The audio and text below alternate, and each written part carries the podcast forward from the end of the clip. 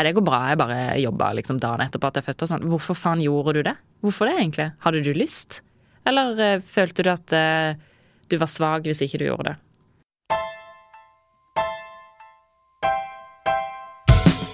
Charlotte Kvale, velkommen til det hun sa. Tusen takk. Du er musiker, skuespiller, mor til to. Du er en kjent stemme fra Lørdagsrådet. Så er du født på Island, men oppvokst i Mandal. Du er 43 år, og i dag er du gjest hos oss her i Federlandsvennen. Da vi snakka sammen i forkant, så sa du til meg at du har kjent litt på noen utfordringer eh, i din bransje i forhold til det å være mor, i forhold til det å bli eldre. Det er ikke alltid det har vært like lett. Kan ikke du fortelle litt om det? Det er akkurat som at det er noen sider med det å være kvinne som ikke passer så bra inn i bransjen, på en måte. Altså både det at når man blir mamma, så får man jo noen helt andre prioriteringer. Og det det å ikke gi alt, på en måte, til yrket, enten det er å være skuespiller eller musiker eller hva enn, men ting som Altså offentlig, da, på en eller annen måte, så er det Det er som om at vi bare liksom vil fortrenge at at kvinner har ganske mange sider som, som tar over, og som i perioder overskygger engasjementet, eller altså det, Hvor sterkt du liksom brenner for det du gjør. For det er umulig å brenne like Nei, kanskje ikke umulig å brenne like sterkt for, men det er umulig å putte like mye av seg sjøl inn i jobben i perioder av livet hvor du er mamma, tidlig i, i det opplegget der, liksom. Og så opplevde jeg vel at, at det var best å ikke snakke så mye om det, og ikke jeg hadde, jeg jobba med noen folk veldig nær meg som sa at du, når du blir intervjua sånn, så trenger du ikke, trenger ikke snakke så mye om det at du er mamma, eller liksom fødsel og sånne ting. Nesten som at det er litt usexy. Og hvis det er usexy, da betyr jo det at noe av jobben min er å være sexy. Og det er det jo ikke, eh, så vidt jeg vet. Eh, men, men det er jo bare å scrolle litt på Insta eller åpne avisen eller nettavisen eller whatever og se på en måte åssen damer fremstår fordi de føler at de må, kanskje. Og nå begynner jeg jo i tillegg å bli eldre, og så kjenner jeg jo litt på det òg, at ja, at å ikke være aktuell lenger. Og så er det jo ingen som sier det til meg. Nå er du liksom Nå begynner du å bli eldre. Det er jo, det er jo noe man mye sier til seg sjøl, men det er jo fordi at jeg hele tida sammenligner meg med dame på nett som ser annerledes ut enn jeg gjør, som ser yngre ut enn jeg gjør, og som virker som de liksom bare klarer alt bedre på en måte enn jeg gjør. Og så vet jeg at det er jo ikke sant, for de gjør jo ikke det. For de føler jo akkurat det samme. Og hver gang jeg snakker med artister, f.eks. på min egen alder, som har ett eller flere barn, så er det jo en veldig sånn gjenkjennelse i det, men det er, liksom ingen som sier det høyt. Akkurat som jeg er redde for å støte noen, eller redde for å ikke være med på spillet lenger, på en eller annen måte. At det skal krakelere for når vi sier åssen det egentlig er. Jeg har født, liksom Jeg har eh, sydd fordi jeg er fødte. Altså, skjønner du mener? Alle de tingene som menn blir sånn Åh, ikke snakk om det! Jeg har til og med en produsent en gang som sa Nei, det må ikke bli sånn mensmusikk, liksom. Altså, skjønner du mener? Mensmusikk. Men, ja, følelse, da. Men før du fikk barn, Ja. var, var du forberedt på at ting ville endre seg i det øyeblikket du ble mor? Mm, nei, men allerede når jeg var gravid, og, og jeg ble jo ikke gravid sånn ut av det blå, jeg har jo to eh, assistert befruktningbarn, så jeg var jo veldig forberedt på at jeg i hvert fall skulle prøve å bli gravid, og veldig påvirka av hormoner og ikke så veldig tilregnelig kanskje i en ganske lang periode, men, eh, men allerede da så snakka folk rundt meg ganske mye om at eh, ikke var det jeg liksom trengte å snakke om. Men det var jo veldig viktig for meg, og det er jo en stor ting, og det er jo utrolig rart å ikke snakke om. Men jeg brukte Altså, jeg snakka veldig lite om at jeg hadde barn i det hele tatt. Prøvde å unngå det. Rett og slett. Når du fant ut at du skulle leve av musikk, eh, hvordan, hvordan begynte du? Altså, alt begynte på kulturskolen i Mandal, som jeg følte veldig, en veldig dragning mot, eh, men en sinnssyk angst for. For det er en ganske sånn sterk dobbelthet i at jeg i det hele tatt gjør det jeg gjør. For jeg har et nokså stort formidlingsbehov, eller veldig stort. Um, men jeg har vært veldig sjenert. Sjenert, redd kanskje, mer. Helt fra jeg var liten. Så da jeg begynte på kulturskolen, så var det for at jeg følte veldig at det var noe der som var riktig for meg. Um, men jeg gjorde alt for å unngå å være på scenen. Så jeg likte egentlig bedre å sitte og se på de andre og uh, kanskje drømme litt om hva jeg skulle gjort hvis jeg sto der sjøl og sånn. Men uh, lærerne mine da, det var uh, Ivar Bøksle og, og Elen Sand. Og uh, de satte opp ei forestilling som heter 'Lille du hos fisken', eller noe sånt, han der Kåre Sakariassen. Og så var det utrolig mange små roller i det stykket der, så da tenkte jeg at jeg sikkert kom til å liksom slippe unna med å stå i bakgrunnen eller et eller annet. Men så fikk jeg en rolle som en sånn makrell som eh, var drosjesjåfør. Det er veldig Jeg skal ikke Det tar for lang tid. Men uansett så skulle den makrellen stå og så eh, synge en sang, og det var Da var jeg så redd at eh, Jeg vet ikke om jeg sa det eller hvordan jeg sa det, men det ble helt tydelig at det, det kunne jeg ikke gjøre. Aleine stå og synge en sang. Så da eh, måtte jeg ha to, tre, eller kanskje fire sånne små jenter, barn mye mindre enn meg, som sto ved siden av meg, holdt meg i hendene og sang den sangen. Og det kosta meg så utrolig mye. Eh, og så skulle du tro da at jeg bare på en måte fant ut at dette ikke var noe for meg, men det har jo fortsatt og fortsatt og fortsatt, og så begynte jeg på teaterskole. Og det var i Danmark, og der, eh, der var jeg så nervøs en gang at jeg faka at jeg besvimte, for eksempel. For at jeg måtte snakke dansk, og det satt så langt inne for meg. Jeg syntes det var så sinnssykt flaut. Um, så da, du faka at du besvimte? Jeg, da, og ikke sant, det jo, tar jo mye mer oppmerksomhet enn å bare si replikkene mine på dansk. Men da satt vi på en stol og skulle ha sånn gjennomlesning, og så eh, ramla jeg på en måte bare av stolen, og jeg besvimte ikke, altså. Jeg lot som jeg besvimte. Og så ble det jo et veldig etterspill her, da, hvor jeg lot som om jeg hadde et eller annet blodtrykksfall eller et eller annet. Jeg snakka med rektor, og det var masse Jeg har gjort så mye for å slippe å være synlig, og så er det jo egentlig Men jeg tror det er fordi jeg har ikke så lyst til å være synlig, men jeg har veldig lyst til å fortelle. Jeg har veldig lyst til å gjøre en eller annen forskjell. Jeg føler at jeg har noe å bidra med, ikke sant. Og jeg elsker å synge. Og jeg tenker at det er et av mine verktøy for å nå fram på en måte med de tingene jeg vil, og det jeg har lyst til å gjøre. Så jeg, jeg må jo være synlig. Men du har valgt deg et yrke og en måte å leve på der du stadig på en måte må, må kjempe mot noe du egentlig er litt redd for? Mm, absolutt. Um, både redd for å Og så føler jeg veldig ofte at jeg ikke fortjener den plassen på en eller annen måte, men det lurer jeg på om er en litt sånn sørlandsgreie. For at, eh, når jeg går på konsert med sørlandsartister, så, så registrerer jeg at de alltid liksom ikke unnskylder seg litt, men er litt sånn selvironisk sånn Ja ja, hva med her, glad kom så mange, eller Altså store artister som det er, det er, Jeg lurer på om det er noe med oss. At vi har det med oss. Men Har du lært deg noen strategier som hjelper deg til å overvinne det? Det viktigste er jo at det har skjedd så mye i livet mitt som er større enn meg sjøl, annet at jeg har fått barn. Så all den tida jeg brukte på å gruble på disse tingene før, den er jo veldig eh, begrensa. Du har ikke tid, rett og slett? Nei, jeg har ikke tid til å tenke så mye på det. Og så eh, så tenker jeg jo mer og mer nå at nå har jeg jo holdt på i årevis. Og jeg har jo ikke mista plassen min. Det er jo ingen som har kommet og sagt til meg fy faen, du fortjener ikke å være her, du stinker, du er dårlig. Det er jo ingen som har sagt det. Hvis det er noen som har sagt det, så er det jo meg sjøl. Så helt konkret så kan man jo prøve å bare kutte ut og gjøre det. Og så, ja, så er jeg jo heldig som har det såpass travelt at jeg ikke rekker det så mye som før. Alt det der drittpreiket man sier til seg sjøl. Men det, der, det, er jo det der klassiske bedrageropplegget. Bedragersyndromet? Ja, ikke sant. At du tenker at um, man venter på å bli avslørt? Ja. Når skal de skjønne at det egentlig er helt talentløst, liksom? Ja, det der er jo litt fascinerende. Jeg kan jo kjenne på det mm. ennå, jeg, av og til. Mm. at en lurer på når noen skal oppdage at man egentlig ikke kan noe. Mm. Men det må jo være litt fordi at man mister jo kontrollen med jevne mellomrom, ikke sant. Og så tenker du at Eller jeg tenker for min egen del at jeg bør på en måte ha en oversikt hele tida, og en overordna tanke, en eller annen ideologi, et eller annet, og at det skal være 100% stødig. og solid. Men det er jo ikke sånn. Det krakelerer jo for alle med jevn mellomrom hele tida.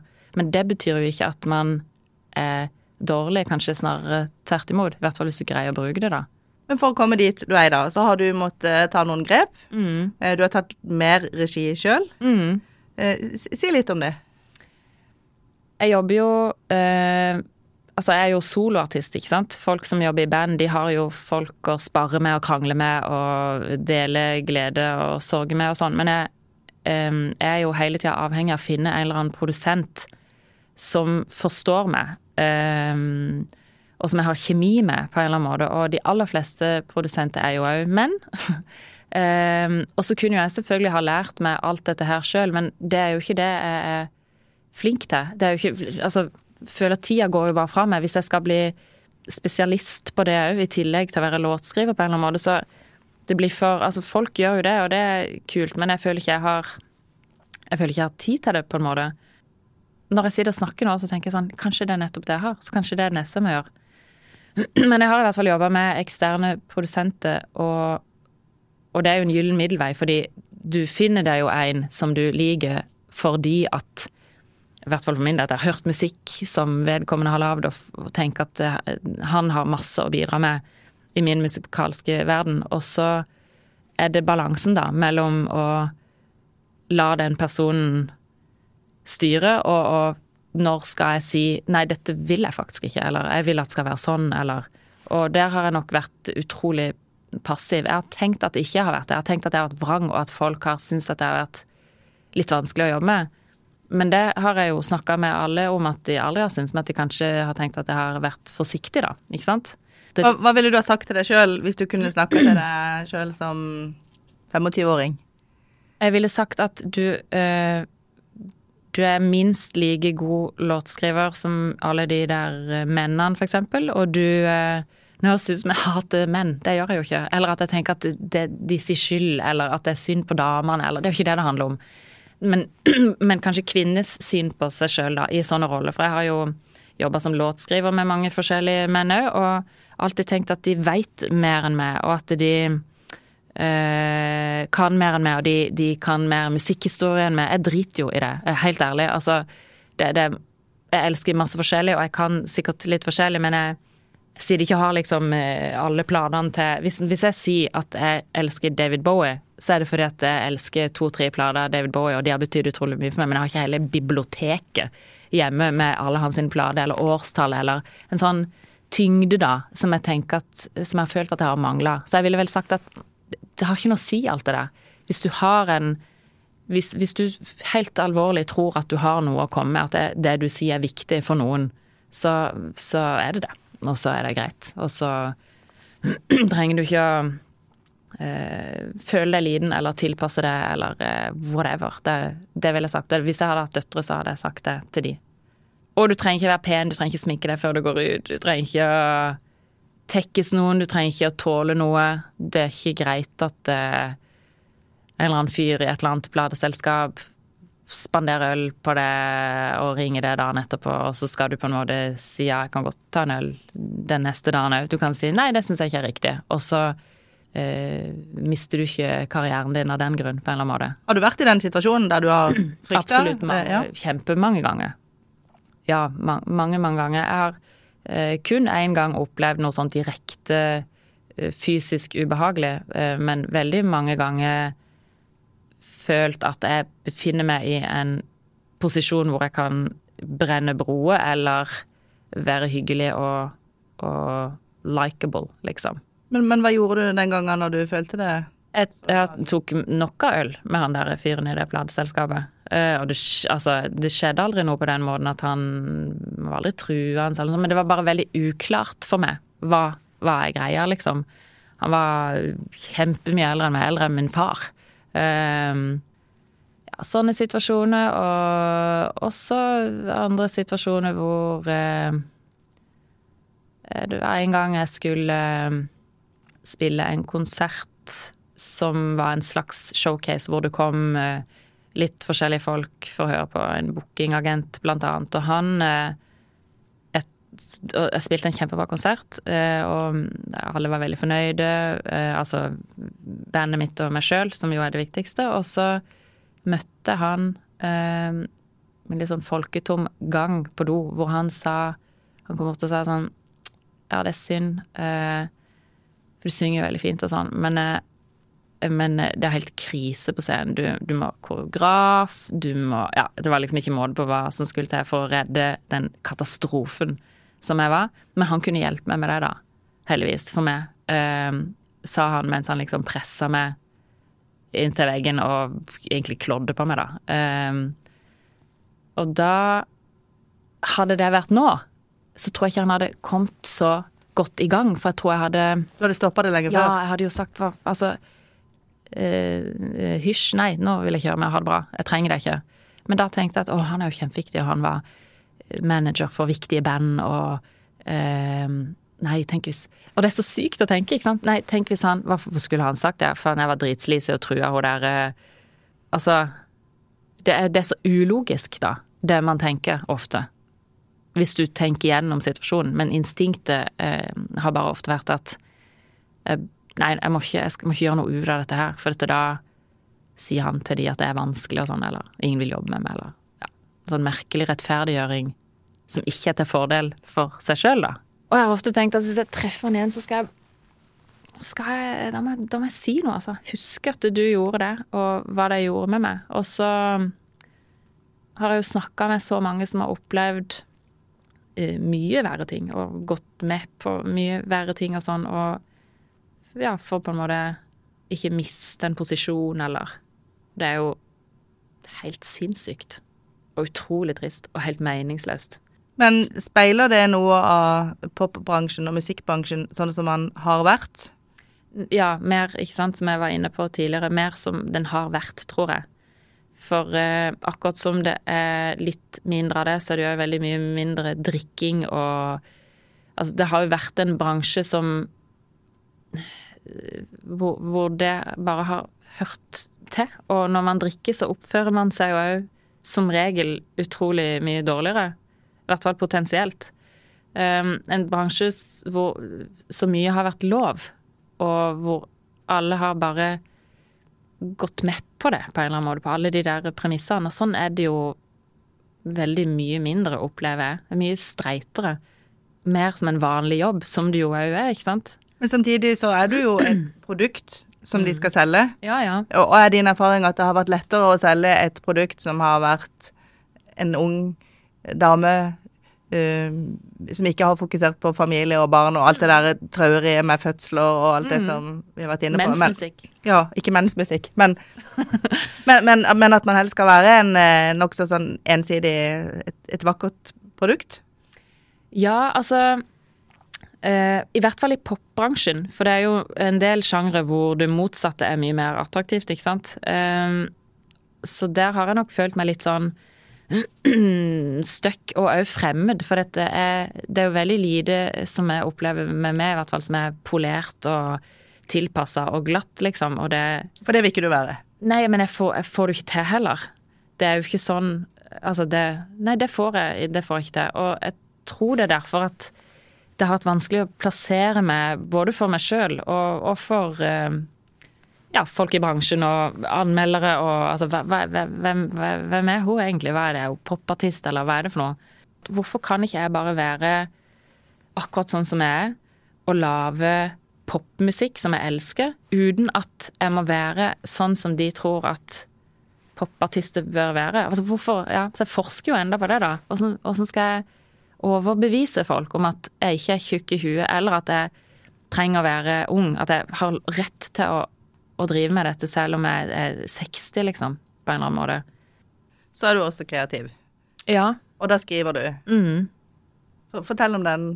um, en, altså, jeg må enten være frustrert eller veldig fylt opp av følelse og inspirasjon som kommer fra Altså, det kan være å se en eller annen film som vekker noe helt vanvittig greie i meg, og så er det jo hele denne verden jeg har, jeg føler at jeg har tilgang til, som jeg var hvis jeg, jeg føler jeg kan sett, altså, se for meg at jeg levde på en helt annen måte. For jeg skriver jo veldig mye om eh, bedriten kjærlighet og eh, alt som ikke fungerer. Og mitt kjærlighetsliv har jo sjokkerende nok fungert sinnssykt bra.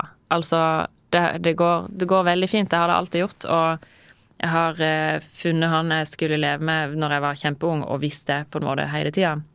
Men jeg vet jo at eh, det, det, er en verden utenfor, og det er, en, altså, det er så mange potensielle katastrofer, ting jeg kunne vikla meg inn i, og det er veldig lett for meg. Så jeg må, jeg må få en eh, flig av det. Eh, på en eller annen måte gjennom et eller annet som blir sagt eller som jeg ser, og så kan jeg bare liksom bli sugd opp i det. Og når jeg skriver sånne låter, så føler jeg jo at det er meg sjøl det handler om. Litt som eh, Åssen var det med grekere og tragedier og sånn, at du At det er så deilig å se på ting som går til helvete fordi at du har det trygt sjøl, ikke sant? Eller rensende, da, på en eller annen måte, ikke sant? Men eh, føl, føler meg sånn trygg og forskåna, men likevel ikke for veien dertil kunne vært så kort. Det er jo ikke det er jo ikke så mye man trenger å gjøre for å ødelegge hele livet sitt og tilværelsen. Det, det syns jeg er veldig fascinerende. Og det gjør at jeg føler at jeg skjønner mye av alt det vanskelige som folk går og baler med hele tida. På lista mi så har jeg et stikkord her som ja, Det representerer jo litt bytta tema, kan du si. Men da vi snakka sammen på telefon, så snakka du om hormoner. Mm. Så sa du at vi er så styrt av hormoner. Mm. Nei, det var jo, det var jo disse prøverørsforsøkene mine. Um, som jeg ikke hadde noen kunnskap om, eller ja, dermed heller ikke noen respekt for, egentlig. Jeg visste bare at jeg ville ha barn, og var villig til å gjøre ganske mye for at det skulle skje. Så går man jo da og eh, eh, propper seg med hormoner i eh, Jeg har egentlig fortrengt eh, Altså, jeg husker ikke på en måte Noen vil sikkert si det er helt feil det du sier, men jeg, i månedsvis, da sånn hormonnesespray, um, sprøyte i maven som du setter sjøl. Og første gang jeg gjorde dette, så var jeg ganske mye yngre enn jeg var den andre gangen. Altså da For det første så fikk vi barn på første forsøk, og jeg hadde ganske mye overskudd. Jeg hadde Jeg har jo brukt mye av livet mitt på å liksom prøve å bli bedre og få det bedre på en eller annen måte. Um, uh, jobba veldig mye med meg sjøl. Så jeg var litt på en sånn Da hadde jeg vel faktisk akkurat begynt å meditere. Så jeg følte meg Jeg hadde så mye overskudd. Så hvor sløra jeg ble, altså, det tror jeg ikke egentlig jeg la så mye merke til. Fødselen gikk fint, eller det var jo selvfølgelig helt jævlig, men uh, det gikk bra etterpå. Jeg jobba veldig tidlig. Det var litt sånn. Uh, men andre gang, da var jeg gjennom fire forsøk. Um, og ble satt i um, sånn kunstig overgangsalder. Um, som et helt sånn skudd i blinde. Det var en overlege som sa at um, Vi har ikke forska på dette, men, men, jeg tror kanskje at det kan ha noe for seg. Så hvis du er villig til å prøve alt, liksom, så vil jeg prøve det. Og jeg blei så uh, det, det, var så sjokkerende å uh, oppleve at intuisjonen min og alt var så avhengig av at det hadde så mye med hormoner å gjøre. Og så har jeg jo lest masse i ettertid, og eh, åpna kanskje litt opp for alle de damene som snakker om overgangsalder, og som snakker om hva som skjer med det, og snakker om følelse, snakker om eh, eh, ja, hva, hva, det faktisk gjør med det at østrogennivået f.eks. daler, og testosteronnivået går opp. Og, Men hva skjedde med det, da? Jeg blei eh, ble så jeg så Jeg følte meg så sløra. Altså, jeg følte meg nummen. Jeg følte meg eh, Det gikk opp for meg at det eneste jeg er avhengig av, bortsett fra litt mental stabilitet, er instinktet mitt på en eller annen måte. Hva enn det er, da. Ikke sant? Men den evnen til å være vågen i situasjoner og, og vite når jeg skal handle, vite når er inspirasjonen her. Altså alt jeg hadde som jeg bare alltid hadde vært. Det var borte vekk, bare. Og, og var egentlig en ganske sånn kriseaktig periode for meg. Jeg husker f.eks. ikke ikke hva jeg gjorde. Jeg vet at det, det var vel 14-15 Det var vel på den tida vi begynte å jobbe med Marte, og sikkert litt derfor jeg gjorde det. For at jeg orka ikke å holde på sjøl. Jeg var avhengig av at noen andre var liksom vågen i i situasjonen eller kunne bedømme. Jeg følte jeg mista hele dømmekraften. Og så er det sikkert noen som eh, har hatt det helt annerledes enn jeg har hatt det, men det var veldig det var veldig heftig. Men jeg ville jo gjort alt igjen, for det gikk jo bra. Og jeg hadde sikkert fortsatt uansett til det gikk bra. Fordi når du først er i gang og har utsatt deg sjøl for de sprø greiene der, hente ut egg og sånn, det er jo det er så vondt. Det er så mye som er vondt. Jeg husker jeg sa en gang til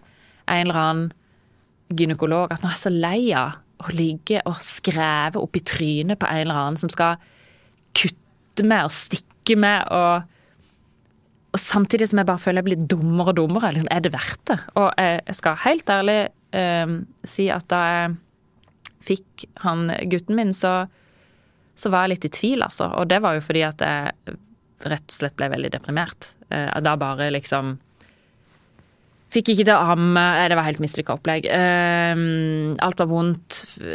Orka ikke se på han, for dette tenkte bare at jeg måtte jo gi han og det var så vondt. jeg blødde, og ammepolitiet var helt klin kokos, så jeg kom opp på poliklinikken med de verste puppene som blødde, og det var så så jævlig ut. Og så sa jeg liksom sånn Men, men skal jeg amme, liksom? Tror dere at dette blir bra? Og, og, hvordan kan det bli bra når, når han biter opp sårene mine hver gang, liksom? Og så sa de eh, ja ja, det blir bra. Og så hang alle de hva er det heter, Gro Nylander, er det? Ja, plansjene som hang på veggen sånn 'Dette skjer hvis ikke du ammer'. Det var bare helt sånn, Og så ble jeg så skuffa av meg sjøl, for jeg tenkte at dette har jeg jo gjort før. Jeg har jo, jeg har jo en unge. Jeg var helt sikker på at når, når jeg fikk unge nummer to, så kom jeg til å liksom gi fingeren til alle som hadde råd. Men det det er jo så viktig å lykkes, ikke sant. Også etterdønningene av denne vanvittige hormonbehandlinga. Og jeg tror første gang jeg Eller jeg veit at den første gang jeg greide å se på August, som han heter, med kjærlighet, uten ja, at jeg bare forbandt han med noe sånn pain, var da jeg var helt hysterisk og dro på helsestasjonen, og så sa jeg ganske høyt i resepsjonen, bare jeg hadde ikke avtalt noen ting. Nå må noen her si til meg at det er greit at jeg slutter å amme. Eh, det er kun derfor jeg er her. Jeg må møte noen. Noen må se på meg, liksom. Og så tok jeg av meg BH-en, og så sa det en sånn helsesykepleier der som sa sånn Liksom. Det så jo helt så, det, var, det, var, det, var, ordentlig dårlig. Så fikk jeg eh, sendt meg til legen, og jeg fikk penicillinkur og sånn, og så blanda hun der og da ei flaske til ungen min, som jeg ga han. Og så var det bare helt sånn Å ja. Dette kunne jeg jo bare gjort trengte ikke å Jeg trengte ikke å klare alt det der. Det er ikke Du vet, eh, graviditet er ikke en sykdom og sånn. Det sier jo alle, ikke sant? Eller alle gjør det jo og sånn. Ja, det er helt greit, men det er faktisk helt ekstremt. Hele opplegget er jo helt ekstremt, selv om det er vanlig. Altså det vanligste i verden. Så er det Det er, det er så mye mer. Um, og vi er liksom så opptatt av å vise at det ikke påvirker oss på en eller annen måte. Nei, det går bra, jeg bare jobba liksom dagen etterpå at jeg fødte og sånn. Hvorfor faen gjorde du det? Hvorfor det, egentlig? Hadde du lyst? Eller uh, følte du at uh, du var svak hvis ikke du gjorde det? Nei, det Nå merker jeg at jeg har ganske mange tanker om alt det der, men, men, men du spurte jo først om hormonet, og, og det ble jo veldig tydelig i prosessen, og selvfølgelig etterpå. Og har tatt ganske lang tid, føler jeg, eh, for at det har stabilisert seg. Og jeg har jo ikke Eh, det overrasker meg at jeg For jeg jo liker jo å forske litt på ting og sånn, men hvor lite jeg har prøvd å finne ut av om hva jeg har kunnet gjort for å gjøre det litt lettere for meg sjøl. Eh, kanskje tatt noe tilskudd, eller Jeg har ikke gjort noen ting. Så jeg føler Nå er han som fyller seks år i år. Eh, og jeg føler helt ærlig at eh, kanskje i fjor var det første året hvor jeg var liksom litt tilbake som Charlotte, da. Eller tilbake. Jeg, man blir jo aldri den samme, eh, på en måte. Men eh, eh, Ikke negativt, men at det, det er jo en ganske heftig utvikling. Men det å snakke om det kan jo gjøre at andre som står i samme situasjon, kanskje tør å, å ta litt andre grep, eller be om hjelp, eller Ja, altså jeg tenker i hvert fall det er viktig eh, å liksom få litt hull på den myten om at eh, at det, fordi det er så vanlig, så er det lett, eller burde være det på en eller annen måte, og at hvis du føler det annerledes, så er det fordi du er svak. Um, for det er jo det er jo virkelig ikke sant. Det er, det er, det er ekstremt uh, krevende. For noen er det jo selvfølgelig lettere, som alle mulige ting. Mm, altså Um, men, det, er men, ja. si at, det er lov å si at det ikke trenger å være så lett. Ja, det er så lov å si, og det er lov å si at man Altså, når jeg sier at jeg angrer på at jeg fikk ungen min, så betyr jo ikke det at jeg ikke elsker ungen min. Men jeg, jeg lurte jo bare på hva jeg hadde stelt i stand, liksom. Hvorfor, hvorfor gjorde jeg dette? Det skulle jo bli så bra, og så er det bare grusomt, liksom. Dårlig samvittighet for den første ungen. Dårlig samvittighet for å sitte i en måned inne med liksom ned og la gardin, for jeg kunne ikke ha klær på meg, og så si eh, eldstesønnen min, som da var fem og et halvt år, men mamma, når skal vi spise middag, eller når skal du ha tøy på deg når vi spiser middag, liksom? Når kan vi treffe noen, eller når Hvorfor er du så lei deg, hvorfor Ja. Det er en sånn eh, Og så skal man liksom gå på jobb, og menn har det jo ikke sånn. De føder jo ikke en melon ut gjennom tissen, og så sprekker puppene de sine opp, og så får de kvise i hele trynet, og så skal de liksom eh, gå på jobb etterpå og la det. Og holde en presentasjon? Nei, ikke sant? Det er så ekstremt, da. Uh, det det syns jeg er litt viktig, å, å tenke at da, da, bør det være rom for en del, liksom. Og det er helt greit. Du, vi har eh, noen faste poster. Ja. Som jeg lurte på om du skulle få lov å ta nå. Og den ene handler om at du får fremsnakke noen som har betydd eller betyr noe for deg, eller som har mm. inspirert deg. Ja. Eh, hvem vil du fremsnakke?